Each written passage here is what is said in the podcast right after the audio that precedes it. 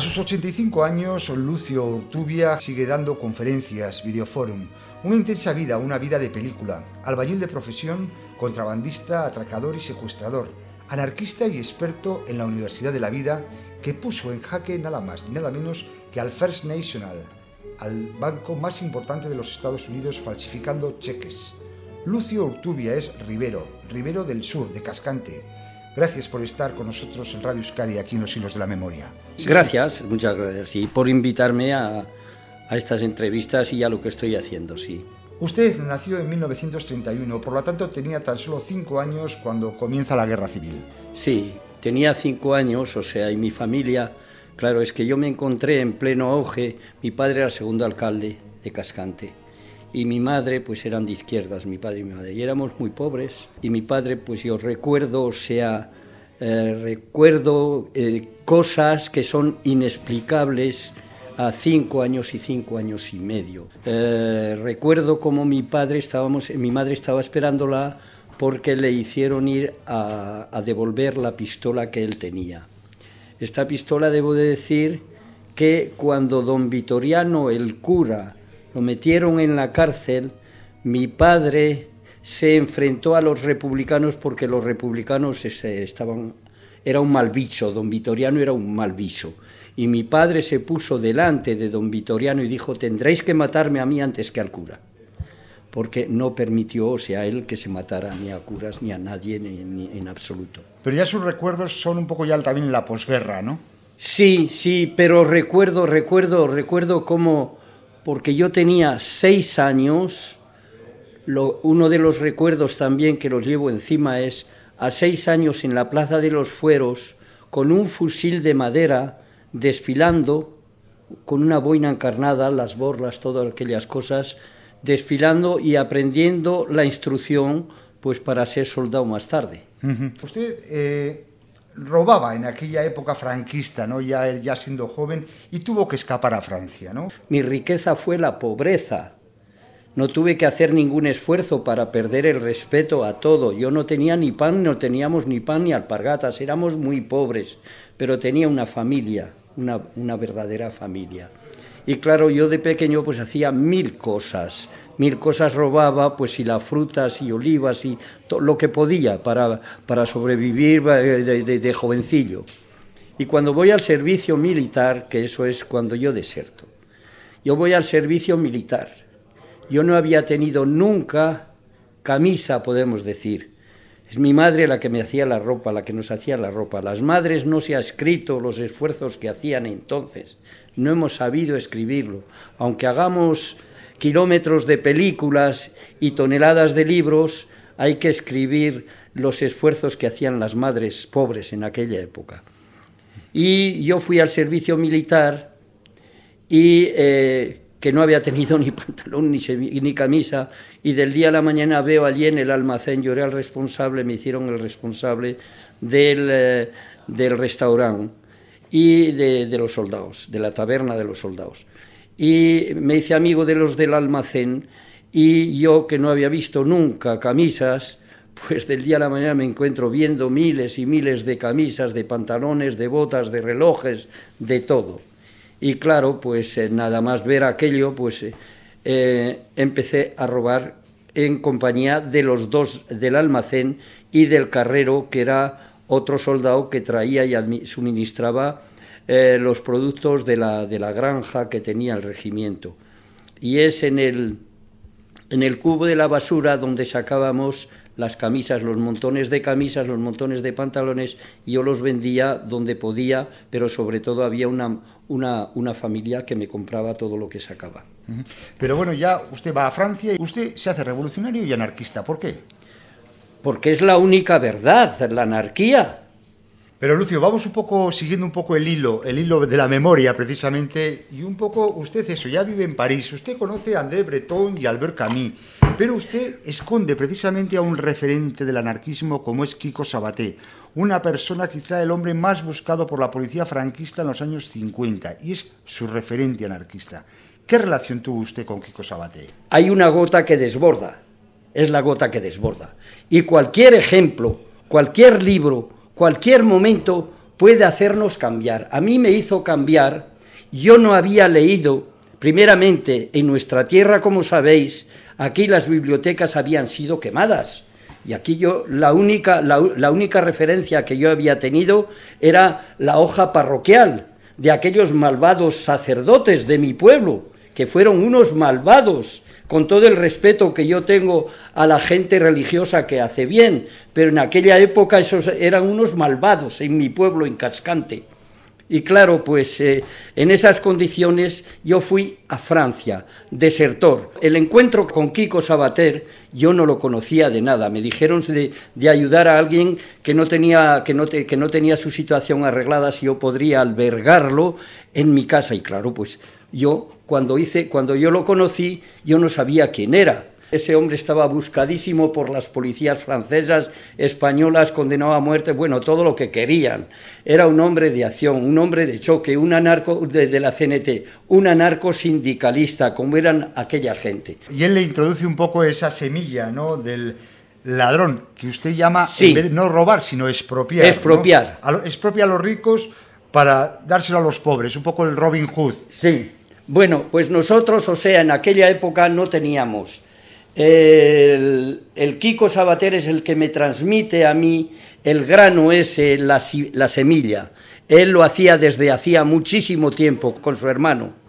Y claro, pues para mí cierto día cuando él va a la cárcel, él me deja, él me deja su Thompson, su, su metralleta, para en caso, para en caso de ser extraditado, que yo fuese con alguien, con una mujer, a liberarlo.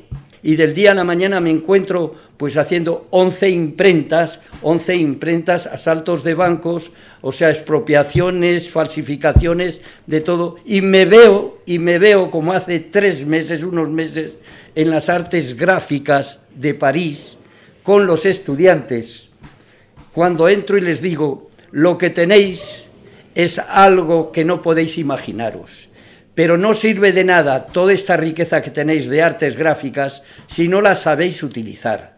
Tenéis que saber utilizarlas. Y nosotros, o sea, es cuando les digo, la gente estaba loca de contenta, nosotros hacíamos documentos administrativos porque no teníamos, y para aquellos que no tenían, hacíamos toda la clase de, documentos administrativos del mundo entero. Incluso el dinero no es ningún crimen, el crimen es el hacerse coger.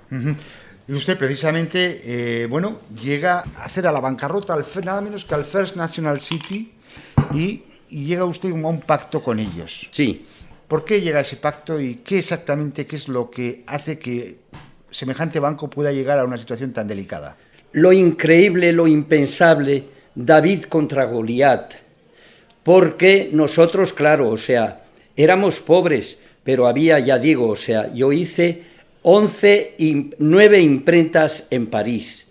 Las artes gráficas han sido siempre, han sido siempre y han estado casi siempre en las manos de los anarquistas. Y en las artes gráficas hacíamos todo. Se hacen los libros, se hacen los periódicos, pero se hace el, dinero falso y se hace lo que se puede. Porque usted ya hacía eh, documentación falsa para personas que estaban en la clandestinidad. Sí, yo no, yo no he sido el gran, el gran, yo he sido, yo he tenido el coraje. Una persona puede tener muchas habilidades, puede saber hacer muchísimas cosas, pero ah, no tiene coraje. Yo tenía coraje, yo me rodeé de gente que sabían hacer las cosas, fotógrafos, fotograbadores, impresores, toda esa clase de personas, y ya digo, me rodeé y son ellos los que hacían lo que yo les pedía. Lucio, usted llega a falsificar 8.000 hojas de 25 cheques de viaje de 100 dólares, unos 20 millones de dólares de la época, hablamos de los años 80, ¿no?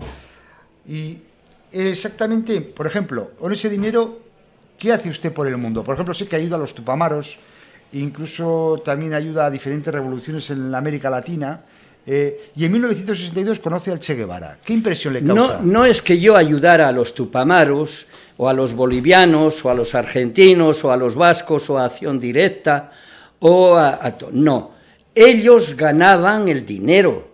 O sea, ellos cogían la parte que yo les daba, lo que me pedían, 50 eh, o 100 talones, y ellos los negociaban, ellos hacían su trabajo y luego el trabajo, el resultado, pues se distribuía, eh, se distribuía en tres partes.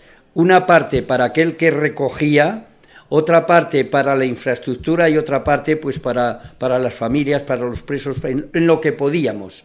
Yo no tuve nunca ningún problema me han reprochado mucha gente el haber participado con delincuentes. Yo he conocido delincuentes muy decentes, tan decentes como los militantes. Hay un libro hecho por los tupamaros, Cómo expropiar a los bancos. Me lo han consagrado a mí. Y le preguntaba, usted conoce al Che Guevara en 1962. Sí. ¿Y qué le propone al Che Guevara? Al Che Guevara yo le propongo, antes del Che Guevara hubo la embajadora la embajadora de Cuba, la Rosa Simeón, y le dije, Rosa, podemos arruinar los Estados Unidos. Y ella no comprendía. Y los miraba y estaba, estaba asombrada. Sí, Rosa, sí, podemos arruinarlos. Era en plena historia de la Revolución cubana. Y de pronto le dije, Rosa, son falsos. Y entonces ella se entusiasma porque el hacer las cosas legales están al alcance de todo el mundo, pero las cosas ilegales y hacerlas bien no están al alcance de todo. Ella se entusiasma y ella es la que se permite entrar en contacto y me presenta al Che Guevara en Orly. ¿Qué impresión le causa el Che Guevara? Mal. ¿Por qué? Porque él era bastante, él era ya un político los políticos cuando llegan al poder caen en la corrupción y en la imbecilidad. Todos. Esa es mi opinión. Y el Che pues cayó como todos caen. Él, como iba, además, era una persona fría. Era un intelectual, se puede decir, un burgués que no había conocido la miseria, un médico que salvaba vidas, se ocupaba, sus estudios eran de salvar vidas, después pues era responsable de ciertas cosas muy raras y muy sucias, lo contrario de todo lo que había estudiado el Che, y me cayó muy mal, muy mal porque él, ¿cómo iba a creer que yo, un pobre desgraciado albañil, que no sabía ni la mitad que él de hablar el francés, ni nada comparado a él. ¿Qué cosas raras y sucias ve usted en el Che Guevara? Hombre, el Che Guevara pues ha, participado en muchas cosas muy raras. Hasta ahí, no, me, dice nada. No, sí, sí, sí. No quiero porque, aparte de todo, ahora estoy muy disgustado. Sí, como todos nosotros, todos seríamos castristas. Esa es nuestra desgracia, como todos seríamos, si el comunismo lo hubiese hecho bien, estaríamos con el comunismo. Pero es que, o los gobiernos, si lo hicieran bien, estaríamos con los gobiernos pero ya sabemos, o sea, que por ahí no vamos a ningún sitio. Y él, entonces, o sea, él, en aquella época, además, era la época que en la Sierra Maestra era la roja y negra, era la bandera de los anarquistas. Había una simpatía en el mundo entero. Fidel Castro, si en vez de aliarse con, con, con, los rusos, si hubiera estado solo él independiente, hubiera tenido el mundo entero con él. Usted también a financiar de esa forma, como lo hacían ustedes, por ejemplo, el intentar cazar a Klaus Barbie, al que fue llamado carnicero de León cuando estaba en Bolivia, un nazi. ¿Por qué? Porque, ahora puedo decirlo, había Liber Forti, que fue 20 años secretario cultural de la Central Obrera Boliviana, anarco-sindicalista, una persona que conocía todo. Murió hace unos meses, íntimo amigo nuestro. Cierto día me dijo, en vez de hacer chorradas como hacéis, porque teníamos dinero, había jóvenes, había mucha gente joven que se ocupaba de hacer acciones y de hacer cosas.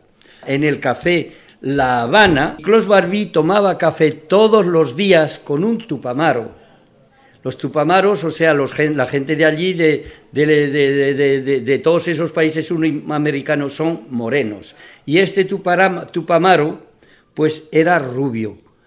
Clos Barbie no pensó mal, pero era un tupamaro, ¿comprendes? Y él es el que nos pasa la información.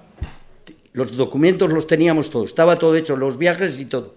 El día que tenían que salir, Regis Slicher y eh, Jean-Marc Rouillan hubo el atentado, un atentado horrible en la Rue de Rossier y los detuvieron el mismo día que tenían que salir. Si, y eran, estaba la información, estaba allí y todo, como el, en La Paz todos los días tomando café, el Clos Barbie con el Tupamaro, nuestro amigo. Es por decir, o bien se traía si podían, o bien había que matarlo allí. Y esto, esto fracasó, desgraciadamente. Pues Lucio Ortubia, pues muchas gracias por estar en los hilos de la memoria. Bueno, pues hasta que quieras, sí.